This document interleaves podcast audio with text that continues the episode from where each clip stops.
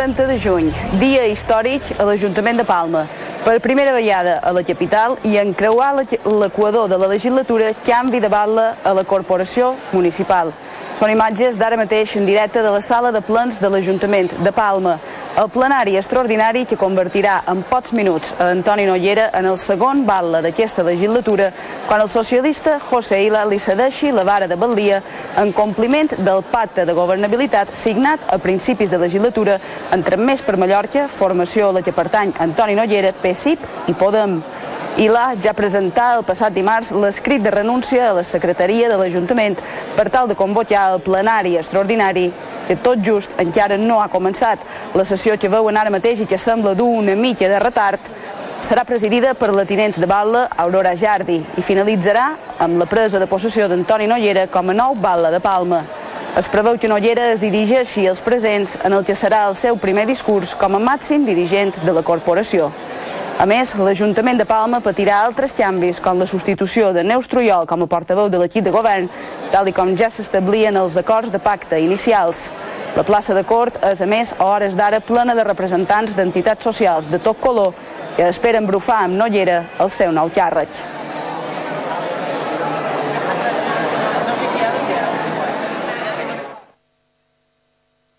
En tot, qui és José Ila, quin pas té en la seva formació el PSIP i qui és Antoni Nollera? Coneguem ara amb una crònica de Vial Ramis la trajectòria política dels dos baldes de Palma. José Francisco Ila Vargas i Antoni Noguera Ortega representen en aquests moments a la plaça de Cort de Ciutat la cerimònia protocolària del traspàs del bastó de comandament de l'Ajuntament de Palma. Amb dos, encara que pertanyen a partits polítics diferents, el primer el PSIP i el segon a més per Mallorca, són fills d'una realitat paral·lela i la seva biografia bou de les mateixes fonts. José Ila és fill de migrants andalusos per part de mare i pare, i Toni Noguera de mare. Tots dos tenen el seu primer territori d'aventures infantils en una barriada comuna, l'eix que conformen la zona de Sant Gotleues Vivero i les escoles Corpus Christi i Sant Josep Obrer. Així mateix, tant Tila com Noguera no són nouvinguts en això de la política. Fa molt de temps que hi neden en aquests aferets. De fet, amb dos varen ser regidors de l'Ajuntament de Palma en anteriors legislatures, on els seus camins vitals varen començar a divergir en l'adolescència. José Ila va optar cap al socialisme obrer i espanyol dels treballadors immigrants de la construcció i el turisme. Noguera, tal com ell ha reconegut en un vídeo promocional del seu propi partit, va ser als 17 anys quan va descobrir que volia parlar en català i deixar el castellà que li va ensenyar sa mare. I ho va fer després d'ingressar en el moviment Escolta i gaudir d'hora baixes de televisió amb els dibuixos animats d'Arale i Bola de Drac. Ja instal·lats en el món de la política, amb dos han començat des de baix i tots dos, també, han anat ascendint a l'escalafó en una llarga cursa que fa anys que recorren. Són, i do, el que ara es diu polítics de tota la vida. Ila, després de créixer l'ombra de la bellesa Aina Calvo, finalment va aconseguir ser el cap de llista dels socialistes de ciutat, enfrontant-se al candidat de l'actual president armengol, l'històric Ramon Socias. Va ser, en el seu moment, el candidat alternatiu. Avui manté les distàncies amb Armengol, com s'ha demostrat en les darreres eleccions primàries del PSOE estatal, on han estat a bàndols enfrontats. Ila és un aferrissat seguidor de l'andalusa Susana Díaz. Haurà de lluitar molt per renovar la seva candidatura en unes properes eleccions municipals, enfrontant el candidat oficialista, el conseller armengolista Iago Negueruela. Toni Noguera també va arribar a ser el cap de llista del seu partit per defunció política del candidat primigeni Antoni Berger, descabalgat en el darrer moment per una denúncia judicial que després va quedar no res. La realitat d'avui és que, encara que formen part del mateix pacte amb els morats de Podem, la disputa personal serà ferrissada en el futur. Amb dos volen ser les de Palma també la pròxima legislatura i sense xapar-la dos anys per a cada un. El seu somriure protocolari marca el traspàs del bastó de comandament de Palma, però tots dos saben que la lluita entre ells no tan sols no ha acabat, sinó que des d'ara serà encara més crua. Ja se sap que a la política no hi ha amics. Sembla que aquesta presa de possessió del Val de Nollera s'està ralentint una mica, de fet encara ara no ha començat, per tant nosaltres seguim um, avui actualitat i noves informacions ens arriben relatives als presumptes jihadistes detinguts aquesta setmana a Mallorca. Un d'ells, Abdelkarrer Mahomoudi, hauria planejat una matança a la mateixa plaça de l'Ajuntament d'Inca, localitat on fou detingut per la Policia Nacional i el Centre Nacional d'Intel·ligència. Tal com recull l'auto del jutge de l'Audiència Nacional, Santiago Pedraz, el qual ha acordat avui presó sense fiança per als quatre detinguts. A Mallorca, Mahomoudi hauria planificat un atemptat mitjançant l'apunyalament de tots els vianants que topés a la plaça de l'Ajuntament d'Inca. Un plans, per sort, frustrats gràcies a la ràpida intervenció preventiva dels cossos i forces de seguretat de l'Estat. Avui la portaveu del govern, Pilar Costa, en la seva compareixença posterior al Consell de Govern d'avui, ha demanat tranquil·litat a la ciutadania per les detencions de presumptes terroristes islàmics a la nostra comunitat. Recordem la tercera detenció d'aquestes característiques en el darrer any a les Illes llançar un missatge de tranquil·litat perquè el nostre estat de dret funciona, funciona bé, les forces i cossos de seguretat eh, funcionen i funcionen bé. Ens preocupa tot el tema del problema jihadista, perquè aquesta és una xacra, eh, la xacra més important que tenim en aquests moments contra la que se lluita de forma internacional, com s'ha vist a més en la connexió de les diferents eh, policies en el cas d'aquestes darreres detencions aquí a, a les Illes Balears.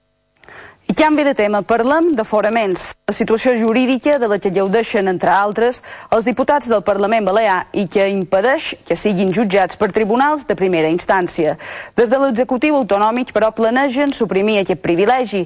Per fer-ho és necessari modificar l'Estatut. En principi, totes les formacions polítiques convenen que l'aforament ha de ser eliminat, tot i que alguns, com el Partit Popular, tenen reticències. La portaveu Pilar Costa avui n'ha parlat així les darreres manifestacions del Partit Popular en el seu dia que deien que no tenien tan clar si obrir la reforma de l'Estatut d'Autonomia no per tema desaforaments, sinó per si això podia suposar obrir sa porta a altres modificacions per part de Podemos en sa que ells no hi estaven d'acord. Bé, jo faria una proposta molt més clara.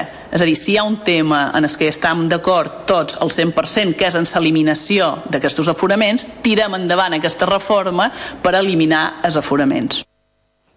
Demà dissabte, segon caucus de la formació Podem a Palma. Caucus, una jornada, diuen, oberta a tota la ciutadania i la militància per tal de recollir propostes de cara a la segona Assemblea Ciutadana. Una assemblea que encara no té data fixada, però que haurà de finalitzar amb el nom del nou secretari o secretària general de la formació. El segon caucus dels Morats arriba en plena guerra interna en què l'actual secretari general Alberto Jarabo ha vist com la seva mà dreta fins ara, l'anticapitalista Laura Camargo, estava ben disposada a ocupar la direcció del partit a Balears. Tot i no haver confirmat públicament les seves intencions, Camargo sí ha organitzat un moviment paral·lel, construint Podem, amb el que pretén participar demà al caucus Morat. Uns moviments poc clars que tenen a la formació dividida. Mitjançant la difusió d'un vídeo explícit, que a continuació el veuran a les seves pantalles, els de Podem deixen ben clares les seves intencions d'assolir el poder a la nostra comunitat, utilitzant imatges de destacats membres del Partit Popular. Els morats pretenen així convidar a participar del seu caucus. Així mateix, el debat de si seria convenient o no que entressin a participar del govern és una altra de les qüestions que divideix els morats, un plantejament que sembla no preocupa gens al govern d'Armengol el govern no vol interferir ni valorar els processos interns com a partir que pugui tenir Podem, respectant absolutament, com dic, el seu procés intern que haurà de, de culminar en uns mesos. No entrarem a, a, a fer càbales sobre eh, possibles canvis d'opinió de Podem, donat que l'any 2015 ja es van pronunciar en contra i van decidir no entrar en el govern, per tant a dia d'avui el govern no se planteja cap altre escenari diferent. Si això s'hagués de produir, com dic, no volem entrar en futuribles perquè aquesta aquesta mateixa pregunta l'he tingut que respondre tres o quatre vegades en su darrer any i està mm, igual que la primera volta que m'ho van preguntar. I ara sí, tornem a connectar en directe en la sala de plens de l'Ajuntament de Palma perquè tot just eh, acaben d'entrar l'encara Batla, José Ila, i el futur Batla, Batla de Palma, el senyor Toni Nollera. Eh, L'acte encara no ha començat, ells just entren, com veuen a les imatges, saluden eh, a una estibada sala de plens. Ja veiem el senyor Toni Nollera saludant, és fotografiat, tots els mitjans segueixen ara els seus moviments, és sense dubte el protagonista de la jornada, com els he dit, una sessió extraordinària que és a punt de començar i que serà presidida en aquest cas per Aurora Jardi i serà quan el senyor José Ila li cedeixi la vara de Baldia. Ara sí, anem amb el nostre moment de l'entrevista.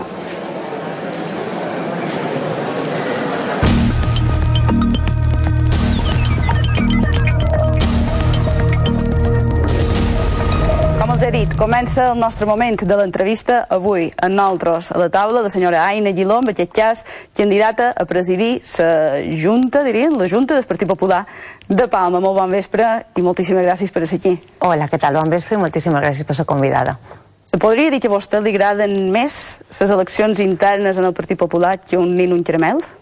Fa molt d'anys que participo a les eleccions internes del Partit Popular. A mi m'agraden les eleccions en si, tot el procés. Jo encara me record de les, eleccions, les primeres eleccions internes, que encara eren en compromissaris. Quan la Rosa Estaràs i en Carlos Delgado varen tenir el seu primer congrés. Estàvem, jo estava allà fent feina i bueno, i vaig anar començant aprenent, després amb en José Ramon un afiliado, un voto, uno que varen celebrar tots els afiliats perquè se va incorporar a la democràcia.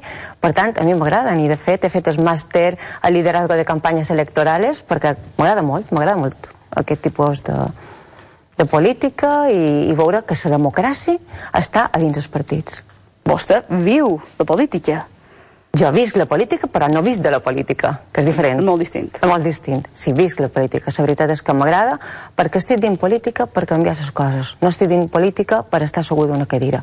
Per tant, quan vius tant la política per canviar les coses i veus que la gent te demana una cosa i, i tu pots fer i, i veus aquest apropament i que te criden pel carrer i te diuen hola Aina, com estàs? I, i te veig per la tele i segueix així i, i, i que pots ajudar a molta gent doncs això t'entra unes ganes, no sé, aquesta vocació d'ajudar la gent és molt emocionant tots aquests processos electorals que ara parlàvem. Primer la vam veure eh, en el regional de la mà de la candidatura antioficialista de José Ramon Bauzá en aquell moment, derrota. Després la veiem al Congrés Insular de Mallorca de la mà d'Ignasi Martí, integració a la candidatura oficialista. I ara què farà, senyora Aguiló? Bueno, el primer, a la regional, tinc que recordar que vara vaig presentar, bueno, volia presentar candidatura. El que passa és que per no dividir el vot, uh -huh. en pro de, sa, de que no hi hagués tanta divisió dins el partit, doncs va fer una passa enrere i va deixar que en José Ramon Bauzá passés davant. I així va quedar per no crear confrontacions, les mínimes confrontacions a dins el partit, però que la gent pogués elegir la democràcia. A dins Palma, el Partit Popular de Palma, crec que necessita un canvi des de fa molt de temps, per tant, eh, seguiré endavant. En, do, en dos dies, dilluns hora baixa i dimarts hora baixa, recordeu que els afiliats varen rebre la carta de que se feia el congrés els divendres, per tant, el cap de setmana molt poca feina pots fer, encara que vulguis, pots fer poca feina, i els dilluns i els dimarts tothom feia feines de matí, i un bon dilluns hora baixa i un dimarts hora baixa, sense quasi tenir dades, perquè evidentment nosaltres no tenim accés a les dades del partit, en quals sense tenir dades van aconseguir 238 avals, i perquè no varen tenir més hores per fer feina. Per tant, això m'anima moltíssim. Conec molt Palma, sé a lo que vaig, i sé per què els afiliats estan tan enfadats hi ha tan baixa participació perquè es veure que hi va haver la derrota a la regional, però fixeu-vos que dins Palma hi va haver molt baixa participació i hi va haver un empat. I en va, senyora Aguiló? Vostè me diu, sé en vaig, jo demano. I en va? En vaig? Doncs agafar la Junta Territorial de Palma a canviar la manera de que, com funciona la Junta Territorial de Palma, a que l'afiliat se senti més compromès en el partit, no volem cridar o telefonar de més a l'afiliat perquè voti o perquè me'l vaig guardar una taula, jo he vist com s'ha anat degradant el Partit Popular a dins Palma, és dir, la gent està molt enfadada, l'afiliat, tu xerres està molt enfadat, tu dius, uh, pues, xerres amb és que només me telefonen quan he d'anar a votar o quan, i no volen saber res més de jo en tots els quatre anys de legislatura i després me telefonen per fer-me la foto. S'ha acabat. En Naina Aguilo s'ha acabat. Vull vida dins el Partit Popular de Palma. No l'espanta una mica el fet de um, distingir tant entre el que seria l'ànima de, de part forana i l'ànima de Palma? És que no és la mateixa, és a dir, ni una és bona ni l'altra és dolenta, simplement són diferents. Hi ha una sensibilitat dins la part forana, hi ha una sensibilitat dins Palma, són completament diferents. I aquí, en aquest moments, també una de les coses per les quals me present és perquè en aquest moments a dins la Junta Regional del Partit Popular no està representat el sentiment de Palma. Els palmesanos són, diguem, jo diria que és més eh, espanyoles i mallorquines tirem més cap a en aquesta tendència, aquesta sensibilitat. Tal vegada la part forana té un altre tipus de sensibilitat. Per tant, jo crec que ara el Partit Popular no representa aquesta sensibilitat. Miri, un exemple molt clar és que Ciudadanos tenen quatre regidors dins l'Ajuntament de Palma. És a dir, la persona, en Marga Duran, la persona que, se, que va a, a, a l'altre o també a, a aconseguir la presidenta de la Junta Territorial de Palma va perdre unes eleccions i Ciudadanos li van guanyar quatre regidors. Per tant, és que no representa el sentiment de Palma. El sentiment de Palma és molt diferent en el sentiment de la part forana. Ni un és més bo, ni l'altre és més dolent. Vull dir, no, però són simplement diferents. I sempre ha hagut un equilibri en el Partit Popular, sempre. I en aquest moment no existeix. No hi és. Ja m'ha avançat una mica, suposo que me contestarà ara, però té lema la seva candidatura? Ja està bé. Ja està bé dels carrers bruts, ja està bé de que els policies estiguin enfadats, ja està bé que no puguen decidir la llengua que, que han d'utilitzar o que han d'estudiar, ja està bé de no estudiar a, ben a fons les nostres arrels i ja està bé de moltíssimes coses. D'aquí dos anys m'ho veureu l'Ajuntament agafant el mando. Ho t'esperam veure ara Això quants minuts. D'aquí dos anys hi serà Naina. Descarta una integració, però ara, en aquest procés que estem ara? No descartant res, però el que sí que té molt clar és que no hi ha passes enrere. L'Aina Aguiló du molt d'anys fent feina d'Impalma, coneix tots els districtes, tots els carrers de Palma, són nascuda a la Soledat i bueno, només m'he anat dos anys a viure a Marratxí, vull dir, tota la meva vida he estat dins Palma, he fet molta feina en els afiliats de Palma, sé molt bé el que s'ha de fer en Palma i el que se necessita. I a poc a poc ho aniré presentant en el nostre programa electoral. Si, si depengués de vostè únic i exclusivament, si és capaç d'obviar elements externs, vostè què preferiria, però? Seguir lluitant fins en el darrere o integrar-se i tenir qualsevol tipus d'influència? No, no, jo vull anar davant, perquè ja he donat massa passes enrere. Ja he donat massa passes enrere no sé si contarò. Oh, clar que sí, faltaria més. Quan era diputada i varen digitar a Marga Duran, que venia de la part forana, perquè passàs a Palma, me varen telefonar i me varen demanar que, per favor, jo no me presentàs. Per algo devia ser. Vull dir que jo crec que tinc aquest sentiment de Palma molt arraigat, eh, sé els carrers Santa Florentina, sé tots els carrers de Palma, tant ser al carrer de la Soledat com al carrer de Sant Vida, vull dir, és que m'és igual a mi. Jo sé, precisament, a Sant Vida eh, fa falta llums, vull dir, no passa res. I, en el carrer, i a la Soledat doncs, hi ha altres mancances. Les ceres estan fetes un desastre. Palma està bruta. Ja està bé de llençar trastos en el carrer, vull dir, no han de llençar cap trasto en el carrer. Ja està bé de moltes coses dins Palma. I només, doncs, dic una cosa, una persona que no se segui cap cadira ho pot fer, perquè Palma és difícil, eh? molt difícil. Aquesta vegada ningú no li ha telefonat, però, per dir-li que no se presenti. Aquesta vegada ningú m'ha telefonat. No, ja ja, no, ja m'han deixat per impossible. Imagini, per un moment, que jo som una militant del Partit Popular de Palma, per exemple, podríem dir de la Junta Territorial de la Carretera d'Inca, crec que li diuen vostès. Sí, Mos trobam davant Seroski, que per allà que n'hi ha un, sí. i té vostè un minut, o manco, per convencer-me, què me diria? Perquè la votàs a vostè, a la seva candidatura. Clar, evidentment. Bueno, són Naina Aguiló, vostè sap tot el que representa Naina Aguiló. Naina Aguiló defensa l'espanyol i defensa els mallorquins, són mallorquins i espanyols, i Naina Aguiló no li telefonarà només perquè li guardi una taula i vagi a votar. Naina Aguiló l'integrarà completament a la vida del partit. I això te puc assegurar que un afiliat li arriba en escó perquè jo som afiliada de base i m'arriba en escó puc entendre en les seves paraules que fins ara només els han cridat per guardar taules. Sí, i de cada vegada hem anat, a menys. Varen començar, mireu si me conec bé la vida de, de l'interior, varen començar amb mil apoderats i les darreres eleccions, les anteriors, que hi havia en Mateu Vicent com a, com, que anava com a diputat en el Congrés, ens van veure en feines perquè hi hagués, perquè hi hagués apoderat a les nostres taules. Això és que hi ha una desafecció. I, i un altre exemple, la poca participació en el Congrés regional. És a dir, la poca participació en el Congrés regional és que la gent està cansada. I basta ja. Una altra vegada ho t'han repetit. Basta ja de... O oh, ja està bé, ja està bé, perquè el basta ja... Ja, uh, ja està bé de voler una cadira. Ja està bé, aquí anem a fer feina de veres. Imagini que ja és vostè la presidenta del Partit Popular de Palma i se topa en el nou president regional, bé, nou de, de, fa, de fa pocs mesos, el senyor Biel Company. Què li diu? Bueno, supos que m'hi toparé moltes vegades, perquè dilluns començant la campanya i la feina dins la sede del Partit Popular. Uh, no passa res, jo amb en Biel Company, vull dir, hem intercanviat. Des d'un principi va ser una de les persones, en Biel Company, que li va presentar l'equip de treball que nosaltres teníem a Dimpalma. Per tant, ell coneix perfectament quin equip de treball jo tenc Dimpalma. Qualcuns varen optar per anar-se'n amb ells i qualcuns varen continuar i quedar a Naina Aguiló. Per tant, salutacions i el màxim respecte al president del Partit Popular, les Illes Balears. Tema complexa dins del Partit Popular de les Illes Balears també i té un nom propi, que és el senyor Álvaro Gijón. Què s'hauria de fer amb ell? I també una reflexió, no és de covards llevar-se'l de damunt o intentar llevar-se'l de damunt? Miri, jo he viscut, com li dic, moltíssims d'anys en el Partit Popular. He vist companys en la pena del telediario. No sé si se'n recorda dels casos cavallistes. Van tenir moltíssims companys allà asseguts mm. Oh, i, i després va quedar en no res, va quedar absolt.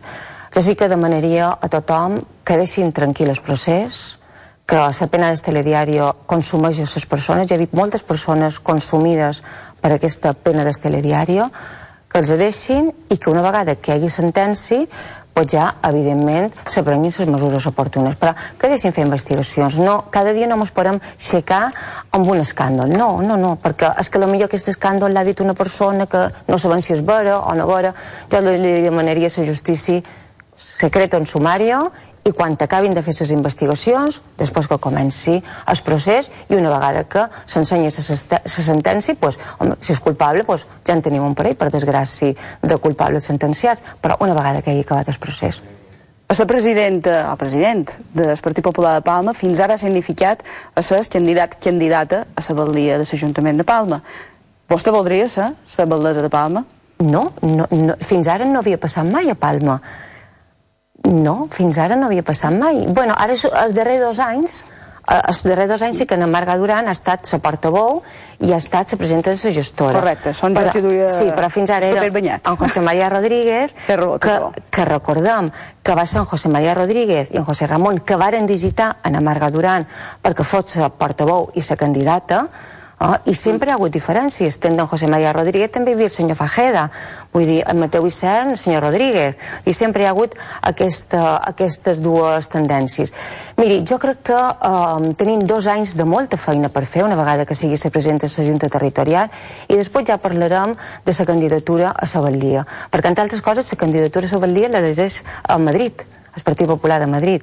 Ah, per tant, anem a fer feina, anem a que l'afiliat estigui content, a que se senti representat, ja està bé de moltes coses, i l'important és això, que l'afiliat se senti representat, se senti a gust en el Partit Popular, no tingui vergonya de pertànyer ni de dir que pertany en el Partit Popular, i amb això tenim dos anys de fer molta feina, trepitjar moltes carrers.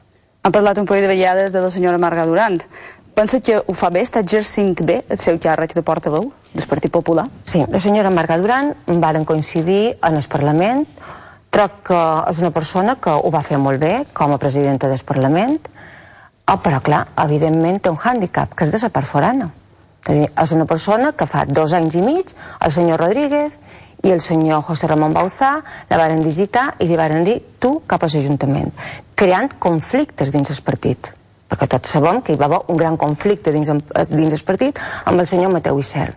Per tant, és una bona política, jo no dic que no sigui una bona política, però tal vegada no és el seu lloc adequat. Tal vegada, torno a repetir, podria, podria ser la presidenta del Parlament, que ho va fer molt bé i tornaria aquesta elegància que ella té damunt i dins el Parlament estaria molt bé, que pareix que últimament l'han perduda, però una persona que no coneix Palma o que ha dut dos anys i mig dins Palma, torno a repetir, els problemes de Palma són molt complexes, hi ha problemes de convivència, hi ha que fer plans de convivència en els, en els distrites, en els distints distrites que tenim, hi ha que integrar moltíssima gent en els distrites, hi ha que fer feina en el carrer, hi ha que convèncer molta gent perquè hi ha que guanyar unes eleccions autonòmiques que ella va perdre he d'entendre així que no, no li satisfà massa a vostè la seva tasca de portaveu de l'oposició a l'Ajuntament? Jo crec que no li satisfà a molta gent. No se sent el Partit Popular dins l'Ajuntament tal com s'hauria de sentir però és que en general, vull dir, no estem fent en aquest moment, jo supos,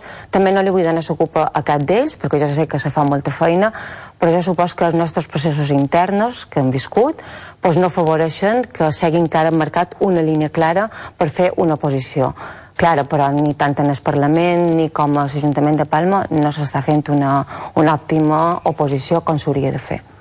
El seu nom i el de Marga Duran no són els únics que són a damunt la taula per optar en aquesta presidència.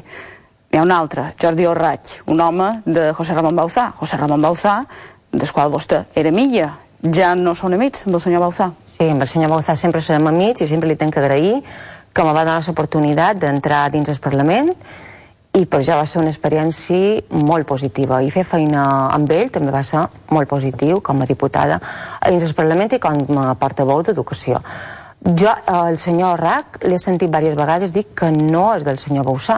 No ho sé, no sé què hi ha darrere, no ho sé, la veritat. Sí que he parlat amb el senyor Rac, m'apareix una persona, de més, té un, un currículum bastant eh, esmisser, jo som docent, vull dir, aquí també és important perquè els currículums a l'hora de manejar una capital, bueno, de manejar, de governar, manejar, eh, sí. al final al cabo, vull dir, de governar una capital tan grossa, els currículums són molt importants. És a dir, saber estar i saber afrontar les dificultats i tenir un bon currículum darrere és molt important. I crec que el senyor Rac pues, també té un bon currículum i, i, bueno, i té una sensibilitat per escuda perquè eh, també és de Palma. Per anar finalitzant, s'integraria vostè a dins la candidatura del senyor Raig? Això l'hem de demanar a ell si s'integraria dins la meva candidatura. Jo he dit que no ton d'anar un pas enrere perquè ho té molt clar. Si perd vostè per tercera vegada, tercera vegada, se retiraria de més lluites internes dins el partit o continuaria donant guerra? Jo crec que no he perdut. No he perdut. Uh, uh, de fet, jo no vaig anar de candidat, va anar de candidat el senyor José Ramon Bauzá. I no hem perdut.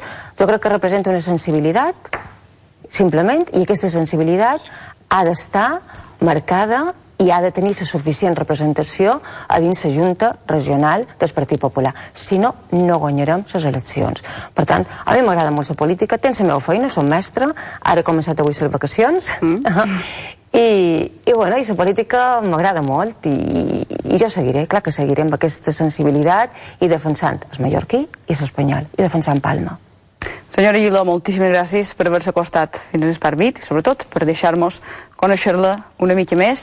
Molta sort en aquest procés que culminarà dia 22 de juliol, crec. Sí, 21 i 22 serà els dies de congrés. Mhm. -huh. Per tant, després veurem com ha anat. Com ha anat. Moltíssimes, moltíssimes gràcies per ser convidada. Moltíssimes gràcies. I seguim, no m'ho massa en fora, seguim a la capital, a Palma, la ciutat sense taxis. Aconseguir aquest tipus de transport al centre és en determinats dies i hores una autèntica missió impossible. Tot i així, sembla que aquesta problemàtica té els dies comptats. Si han hagut de menester un taxi a Palma en les darreres setmanes, tal vegada han tingut dificultats per trobar-ne, inclús en determinades aturades de la perifèria, zones industrials o als hospitals. De part de, de, del col·lectiu pot ser que hi hagi gent que tenia una per norma per habitualitat fer feina dins altres eh, indrets de Palma, però bueno, jo crec que eh, hem, de, hem de posar alguna tots de la nostra banda i hem de fer que aquest ciutadà pues, eh, surti o no tingui aquests problemes de falta de taxi que a vegades en moments molt puntuals, s'ha de dir molt puntuals, eh, ocorreixen dins Palma. Els taxistes han atès la crida de l'Ajuntament de Ciutat, que ha demanat més cotxes. Aquest estiu, concretament a partir de l'1 de juliol, modifiquen el sistema de lliurances perquè almenys hi hagi 300 vehicles més a Palma cada dia. És un sistema molt controlable i sense cap tipus de, de fallo per, uh, que, que tot, tot el sector eh, sap a part d'aquest aquest sistema ja el varen fer altres temps. Des d'aquest mes de juny ja varen deixar opcional aquest dia de lliurança, és a dir, hi ha taxis que voluntàriament no descansen i circulen cada dia. Ara, juliol i agost, l'endemà del dia de lliurança, obligatòriament, tots els taxis hauran de fer servei exclusivament a l'àrea metropolitana de Palma. Que vulgui fer alguna de feina dins aquests dies o el dia de llavors posterior haurà de venir Palma. Això assegura d'un 10 a un 30% de la flota. Tota la flota podrà estar activa i assegura un 30% quasi dins, eh, dins la ciutat. El gran repte del professional del taxi és conèixer en temps real on hi ha la demanda. L'efectivitat dins el sector. Una vegada això és, és el nostre eh, objectiu principal ara de cara a, a poder cobrir la demanda de, de, de la clientela. No? Per això han insistit sense èxit en la unificació de les emissores com a possible solució. Ara el govern de les Illes Balears treballa en una eina digital, però aquesta encara es troba en fase de desenvolupament. Puntualment, aquest estiu els taxistes redoblaran esforços davant la llau de turistes que incrementen de manera exponencial la demanda habitual a la ciutat. L'aplicació del nou percentatge en el descompte de residents per a viatjar entre illes ha estat valorada avui pel sector de l'aviació i principals navilieres que operen a la nostra comunitat. El balanç sembla que és molt positiu i fins i tot preveuen un augment en el nombre de passatgers incentivats precisament per les atractives tarifes. Satisfacció generalitzada pel descompte del 75% per a residents en els trajectes interilles que van entrar en vigor ahir. Navilieres, aerolínies i agències de viatges s'han trobat a la Conselleria de Territori, Energia i Mobilitat a fer balanç de l'inici d'aquest descompte. Els operadors aeris i marítims preveuen una resposta massiva y que las reservas aumenten un 20% aquesta temporada alta. Porque sin duda medidas de este tipo lo que van, la primera, la primer, primer resultado que nos va a traer es un incremento de demanda, con lo cual no podemos más que estar satisfechos. Tenemos el 80% del tráfico es residente en el Mahón, el 70% largo es residente en el Ibiza, por tanto es una subvención directa al gruesísimo de los ciudadanos. Nosotros sempre hem estat partidaris de que, de que aquest descompte eh, era més bo que la tarifa plana, encara que la tarifa plana també era bona. Això activarà més el moviment interinsular, que és important, i això pues, genera riquesa i, i se pot viatjar amb un preu bastant assequible. Les companyies mantindran importants ofertes aquest estiu per comprovar el comportament de la demanda. Els viatgers insulars ja s'han trobat preus gairebé inèdits de 9 euros per trajecte, en el cas de Palma Mou. Eh, es una tarifa complicada de haber decidido, pero creíamos que merecía mucho la pena el experimento porque eh, las reservas se habían contenido en los últimos días. Eh, esos son 50 euros ida y vuelta sin descuento residente, que equivale a los 18 euros ida y vuelta aplicado el descuento residente. Amb independència del comportament de la demanda, aerolíneas y navilieres garantiran l'oferta. Al haber crecimiento en, en demanda, habrá más vuelos, Y eso una partida importante a la que nosotros vamos a hacerle dedicarle especial, especial interés es la conectividad de vuelos peninsulares hacia las islas. Pondríamos más oferta y tenganlo garantizado porque nos obliga a la obligación de servicio público y porque llevamos veintipico años en este mercado para dejar de cuidarlo en ningún momento. Tenemos una oferta muy elevada, quiere decir que no será por falta de, no será por falta de plazas. El govern també valora en positiu. Per al conseller Marc Pons, la competència en els transports interilles pot garantir preus baixos a llarg termini. Estem tots asseguts a una taula i veiem que hi ha diferents companyies aèries, veiem que hi ha diferents companyies navilieres, veiem que en certa manera tothom competeix per aquest mercat, això fa que els preus evidentment s'ajustin i que tinguem una certa garantia de que hi hagi aquesta, que aquesta competència mantengui aquests preus en els que en aquests moments estem. Així tot, mantindrà actiu l'Observatori de Preus. Tampoc renuncia a la tarifa plana perquè també es puguin beneficiar els no residents així com aconseguir aplicar la bonificació també per al cotxe en la ruta marítima i el següent gran repte, augmentar-ne el descompte també en el transport de mercaderies i de persones entre les illes i la península. El govern de les Illes, mitjançant acord de Consell de Govern, ha aprovat avui un seguit d'ajudes per modernitzar i fomentar la contractació en el sector industrial balear. La iniciativa contempla l'aportació de més de 2 milions d'euros. És una crònica de Pablo Martínez. 1,3 milions d'euros és el que invertirà la Conselleria de Treball, Comerç i Indústria per tal de fomentar la modernització de la indústria balear. Així, els ajuts aprovats avui en Consell de Govern es destinaran a la compra de nova tecnologia i maquinària per a impulsar la competitivitat i la productivitat industrial. Lo que hacemos es subvencionar un 50% de la inversión con un máximo de 30.000 euros y esto lo que ayudará es a generar un total de inversión, eh, si contabilizamos la parte que nosotros financiamos más la parte privada, superior a los 2,6 millones de euros y por tanto son 2,6 millones de euros que, que, circularán en nuestra economía, primero para beneficiar a nuestras industrias con esa ayuda y después a los que suministren ese tipo de, de ayuda, desde luego a todas las eh, empresas tecnológicas que se puedan ver beneficiados también porque se generará una importante actividad económica. Indústria obre aquesta nova línia d'ajuts coincidint a la setmana que des del Parlament de les Illes Balears s'ha aprovat la primera llei d'indústria de la nostra comunitat.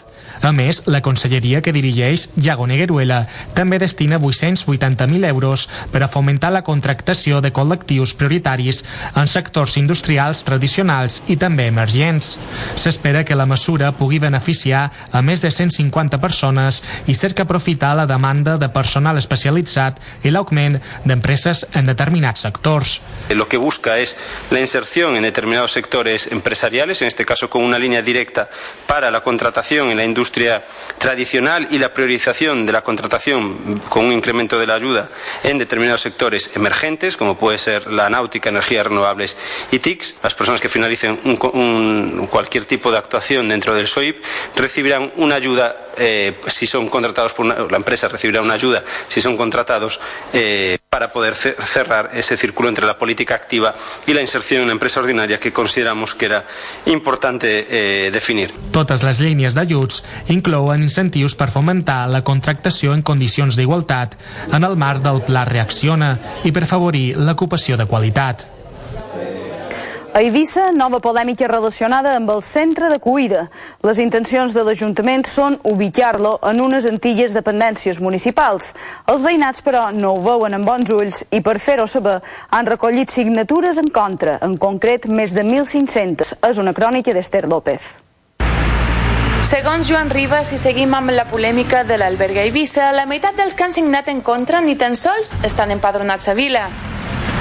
Així restava ahir importància el regidor de Serveis Socials al moviment contra la intenció municipal d'ubicar el nou centre d'acollida a les antigues dependències de la policia local del carrer Vicente Serra. Es referia a les 1.500 firmes recollides contra el camp.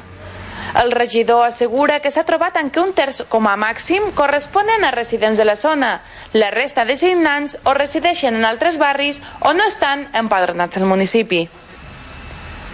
El responsable dels serveis socials de Vila va explicar que va començar a revisar la llista per convocar els que rebutgen el projecte per donar-los explicacions en petits grups de 8 o 10 persones. Per la seva banda, els representants de l'associació de veïns diuen que això no és cert i que continuaran a la lluita. El grup Rocha celebra el seu 75è aniversari. Per, per commemorar-ho Conchal, ahir van organitzar un acte a la Cambra de Comerç i presentaren el llibre Rocha, 75, 75 anys con la misma pasión.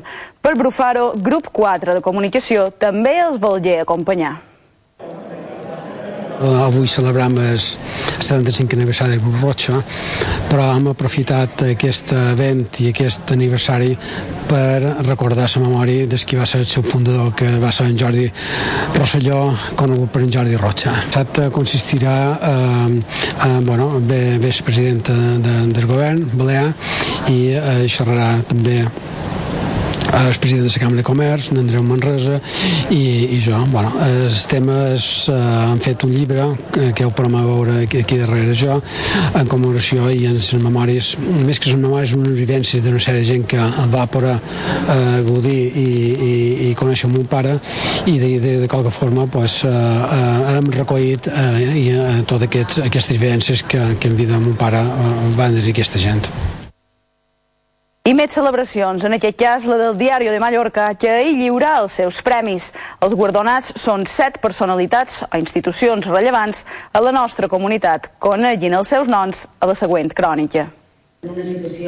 Diario de Mallorca reconegué ahir l'esforç de set entitats i personalitats de l'illa en un acte celebrat al Palau de Congressos de Palma organitzat per Premsa Ibèrica, l'editora de Diario de Mallorca, es lliuraren un total de set guardons.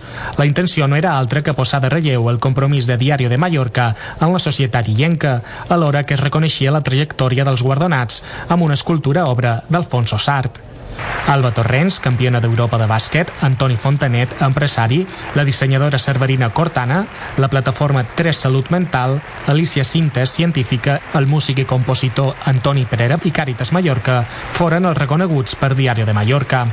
El president de premsa ibèrica, Javier Moll de Miguel, es dirigí a tots els presents en un discurs que pretenia estrenyar els llaços de la seva editora amb la societat mallorquina. Va intervenir també en l'acte Maria Ferrer, directora de Diario de Mallorca, entre altres membres vinculats a l'acte. La presidenta del govern de les Illes Balears, Francina Armengol, assistent a l'acte, participà del lliurament dels guardons.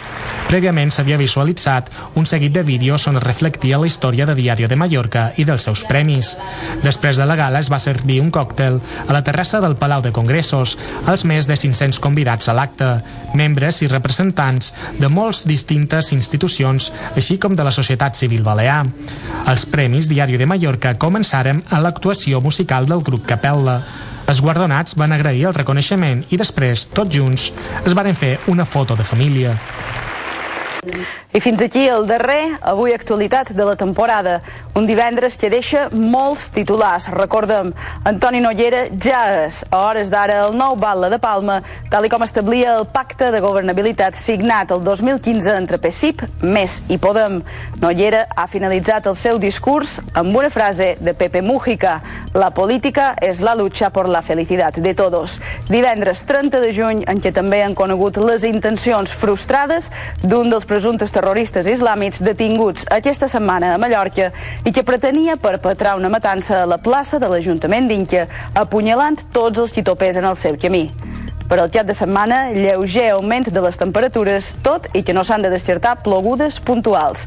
Ens acomiadam esperant retrobar-los dia 11 de setembre, en què avui actualitat tornarà a les seves pantalles. Tot i així, ja saben, poden seguir gaudint d'informació veraç i puntual des de la web canal4diario.com, sintonitzant Canal 4 Ràdio o consultant mallorcasports.es per a informacions esportives. De fet, ara els deix en Sebastià Canals i l'espai Avui Esports. Després ens tornem a retrobar al Parc Forana. Moltíssimes gràcies per la seva atenció i que passin un molt bon estiu.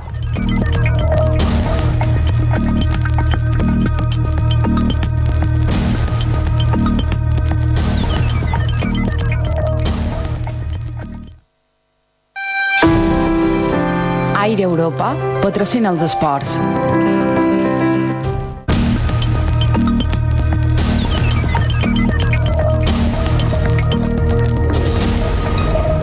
Bon vespre, començam el darrer esport de la temporada en bàsquet perquè avui se presentava l'acord de patrocini entre Iberostar i el Bahia Sant Agustí, un fet que farà que el conjunt mallorquí es digui la propera temporada Iberostar Palma. Aquí veu les imatges de la presentació que avui s'ha fet oficial, veu el, el saludo entre Aurelio Vázquez, conseller delegat, i Guillem Boscana, president del bàsquet Bahia Sant Agustí, i ara veurem el que comentava el conseller delegat del grup hoteler que ha recolzat el Palma per sortir aquesta temporada a l'Epol. Nosotros pensamos que eh, lo que hoy firmamos eh, es bueno para, para el básquet Palma, pero eh, es bueno para Iberostar, pero es bueno también para Palma, es bueno para Mallorca, por cuanto que eh, bueno, eh, es un, un activo más de los múltiples activos que tiene eh, nuestra, nuestra isla, nuestro destino, para, bueno, pues para darnos a conocer, para estar un poco en, los medios de comunicación, para también pues, mantener pues una, una, afición y, un, y, un, y, un, y, una dinámica en la propia, en, la propia ciudad de Palma en la playa de Palma, etcétera, etcétera, que creo que a todos nos interesa y a todos nos conviene y nosotros lo hacemos pues muy muy satisfactoriamente y muy gustosamente y esperamos, eh, lógicamente, que esto pues eh, sea una larga colaboración eh, coronada con, con, mucho sacrificio, con mucho trabajo y con muchos éxitos. Y por tanto, pues enhorabuena al básquet y enhorabuena a la ciudad de Palma porque eh, seguimos en, en, competición y salimos a ganar. ¿Mm? I ara escoltam l'anàlisi i valoració que feia el president del veïn de Sant Agustí, Guillem Boscana, damunt d'aquest acord que permetrà al seu equip jugar la temporada que ve a l'Epol. Estas últimas semanas, este último mes de junio, ha sido muy, muy duro. Nos podíamos comparar con unos náufragos que están a la deriva, que cada vez tenían menos recursos, menos agua y que afortunadamente pues ha pasado un bote salvavidas que nos ha invitado a subir a él y que nos ha acompañado a su barco nodriza que hemos tenido o que tenemos la suerte de que no es un barco cualquiera, sino un barco de crucero de estos tan espectaculares. I ara canviant d'esport i anàvem amb el futbol perquè el Mallorca ha fet oficial avui el quin fitxatge de la temporada. Es tracta de Javier Bonilla, un lateral esquerre que prové del Pontevedra, ha jugat darreres temporades al Numancia, la segona la passada temporada va jugar al Pontevedra, va ser titular, va jugar molt de partits i a més va marcar 8 gols. Durant aquesta setmana hem de recordar que el Mallorca ha fet oficial 5 fitxatges, 5 fitxatges de la part defensiva.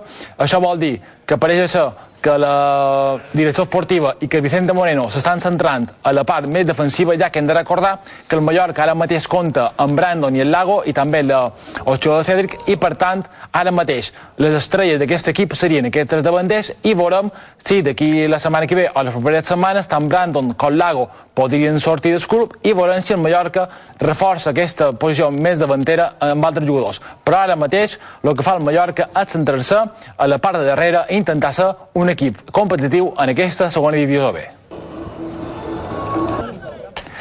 I també en de Serrada l'Atlètic Balears perquè el conjunt que entrenarà Armando de la Morena ha presentat avui un nou futbolista.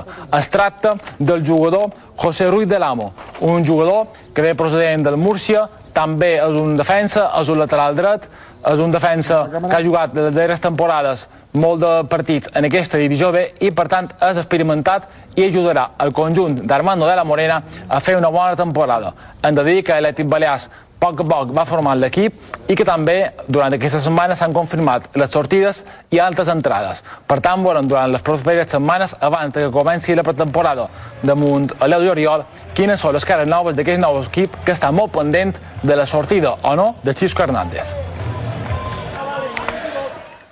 I seguim ara en tennis perquè avui s'ha confirmat el quadre de Wimbledon de cara a aquest nou Wimbledon que començarà aquest dilluns. I Rafael Nadal tindrà un debut menys o menys tranquil, serà davant Milman, número 137 del món, és un australià que sol jugar bé damunt pistes ràpides, veurem si en Rafael Nadal s'ha aclimatat ja a la llespa de Wimbledon, hem de recordar que va entrenar la passada setmana a Mallorca i que aquesta setmana ho ha fet a Londres. I veurem si dilluns o dimarts comença en victòria en aquest torneig. També hem de dir que podria trobar-se a semifinals amb Murray i a la final a Novak Djokovic.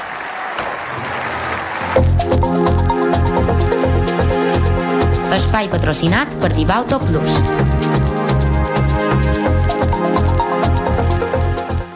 I ara, com cada cap de setmana, anem a recordar les diferents cursos de running de la mà de Divauto. Hi haurà quatre cursos aquest cap de setmana, tres aquest dissabte, la tercera cursa del Toro 2017, també la cursa popular pujada a la Victòria 2017, la mitja marató del Carme i també la cursa Sant Victòria. Ja per el diumenge hi haurà la quinta cursa, que serà la Lliga de Cursos Populars estiu 2017.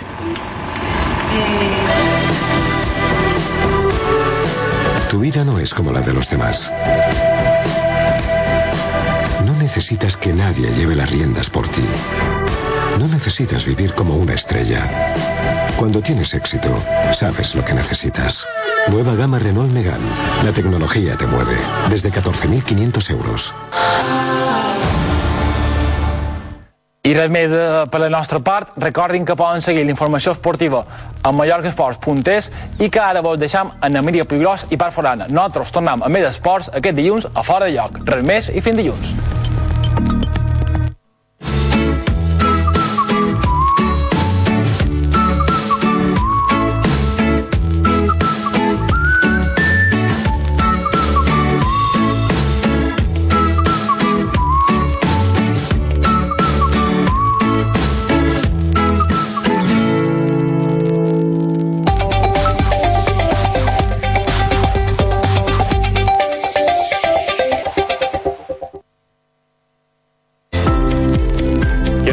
4 Ràdio és una ràdio generalista en continguts generalistes. Allà on hi trobareu informació, debats, tertúlies, esports, entreteniment. En definitiva, una ràdio allà on hi cap tothom de la manera que vulgui i com vulgui. Més de 12 hores de programació diàries. I atenció a el que ens diferencia, que nosaltres, a més, també tenim programació radiotelevisada en Canal 4 Televisió, més de 8 hores diàries.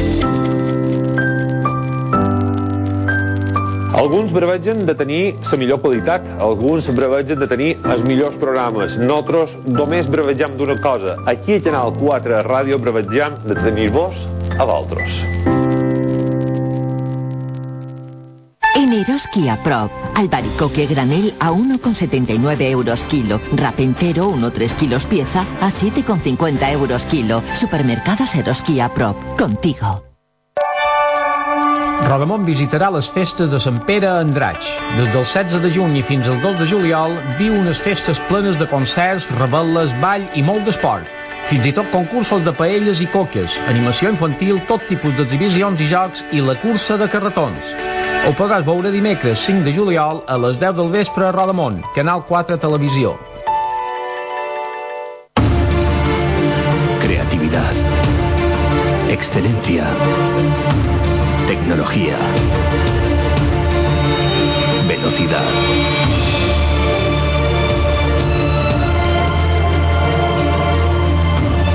Todo lo necesario para crear nuestra materia. Fitbui. Fibra a la máxima velocidad.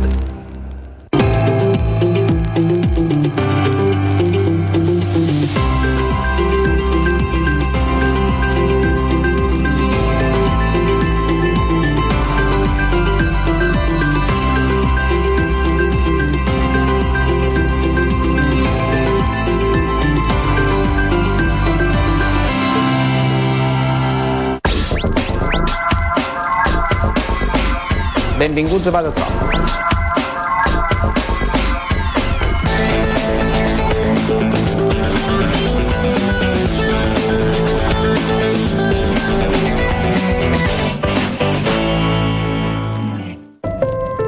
¿Será una coincidencia que abrimos los ojos al despertar? Que todos los días buscamos nuevas puertas para abrir. Cambia la vida cuando algo se abre. Todo necesita abrirse para vivir y crecer. Por eso hemos abierto nuestra energía a la innovación, a la tecnología y a las ideas. Porque cuando abrimos nuestra energía, el progreso es posible para todos.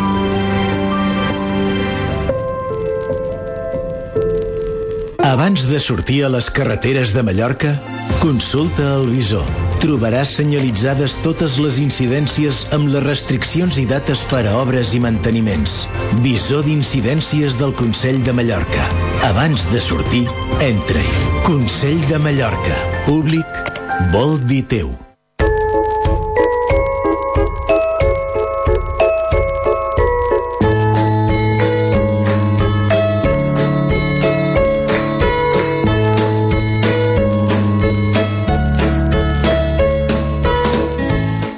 Sa gana no hi ha res millor que un poc d'oli balla i olives rosselló. Són ses bones, millor que millor. Nyam, nyam. Viatjar amb Baleària és viatjar sense límit d'equipatge, traient-se la roba només si li ve de gust, amb el suport del seu seient en posició horitzontal, la seva taula ben desplegada i estan atent a qualsevol senyal lluminós. Baleària, el teu viatge és la destinació. Tu qui omples lo sol de resplendor, omple mon cor d'amor.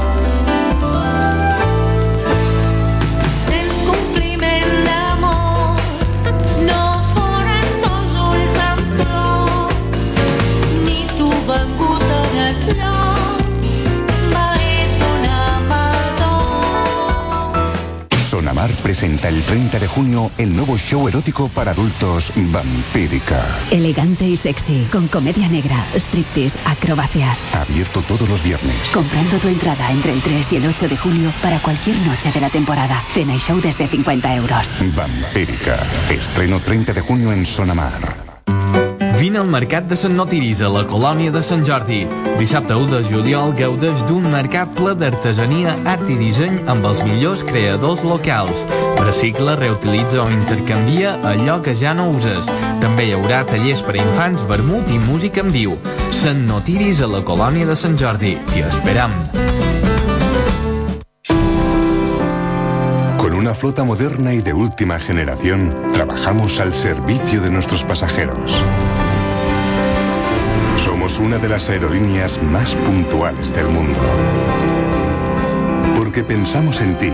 Air Europa es una compañía certificada en seguridad, calidad y medio ambiente.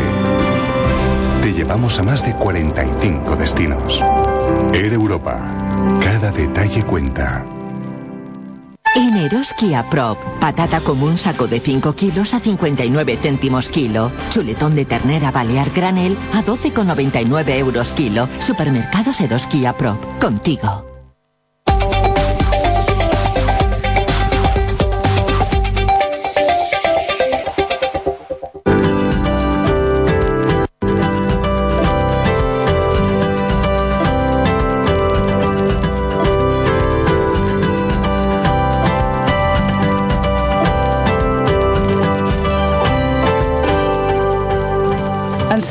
El darrer part forana d'aquesta temporada en diverses cròniques relatives a platges mallorquines. Ho farem també parlant de banderes blaves. Ja saben aquest distintiu que avala el bon estat de salut i també de conservació dels arenals.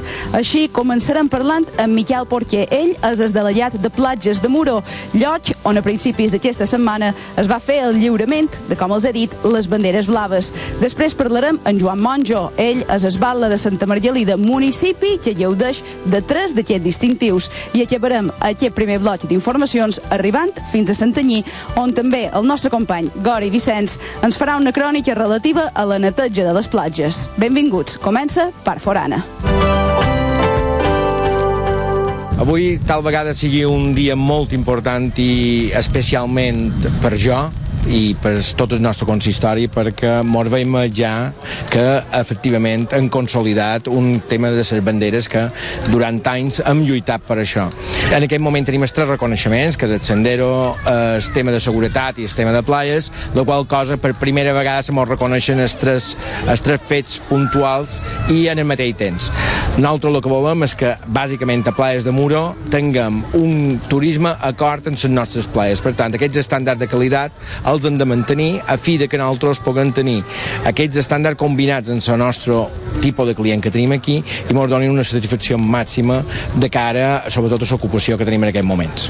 L'acte, bàsicament, és eh, un acte on se fa la presentació, s'entreguen totes les banderes blaves les diferents playes de Mallorca, se fa amb un únic eh, aquí, hi ha gent de l'EO, que ha vengut en aquests moments també, a recollir les banderes blaves, i després hi ha un petit parlament per part del president d'ADEAC, en aquest cas, que és l'organisme que fa la catalogació de les playes en tema de bandera blava. Camp Picafort i Son Serra, el terme municipal de Santa Margalida està de bona. I està de bona perquè hem aconseguit enguany tres banderes blaves, la platja llarga de Camp Picafort, la platja de Son Boló i la platja de Son Serra. I un sendero azul, que és eh, tot el tema de la platja i de les roques, tot el sendero litoral que va entre Camp Picafort i Son Serra de Marina. Eh, per nosaltres, per Santa Margalida, és un gran orgull poder tenir tres banderes blaves i eh, un sendero azul. Tres banderes blaves que són de les quatre que hi ha en la bahia del Cudi, en tenim tres a Santa Margalida. Per nosaltres és un tema molt important que realça, realça l'aposta que feim de cara en el turisme, turisme de qualitat, perquè sense eh, que les plages estiguin reconegudes sense bandera blava, molt difícilment se pot xerrar d'apostar per turisme de qualitat. Som al mes de juny amb les platges plenes de turistes, però sense la neteja del litoral. Molts ajuntaments es queixen que la Conselleria de Medi Ambient encara no pot en marxa el servei de neteja del litoral amb barques. Un d'aquests municipis és el de Santanyí. M'agradaria que les barques del Consell comencessin antes per la neteja de, del nostre litoral, ja que tenim una de les costes més, més tu- turísticament xerrant més plenes, tenim moltes cales, moltes zones turístiques i necessitem que, se, que el litoral se netegi quan tantes millor i que duri durant tot, tota la temporada turística. Són ben necessaris saber que a la zona d'aquí, a la zona de Santanyí, ja l'any passat ens van dur dues barques, teníem, tenim sort perquè tenim dues barques i fan, la veritat és que donen abasto, però justet, justet, o sigui que necessitam que, se, que seguisquin venint aquestes dues barques. D'altra banda, per aquesta temporada d'estiu, l'Ajuntament de Santanyí ha invertit en seguretat a les platges del municipi i que també siguin accessibles a persones amb mobilitat reduïda. Només el servei de vigilància de platges s'ha licitat per 150.000 euros, en el pla més ambiciós i complet que ha tingut mai el municipi.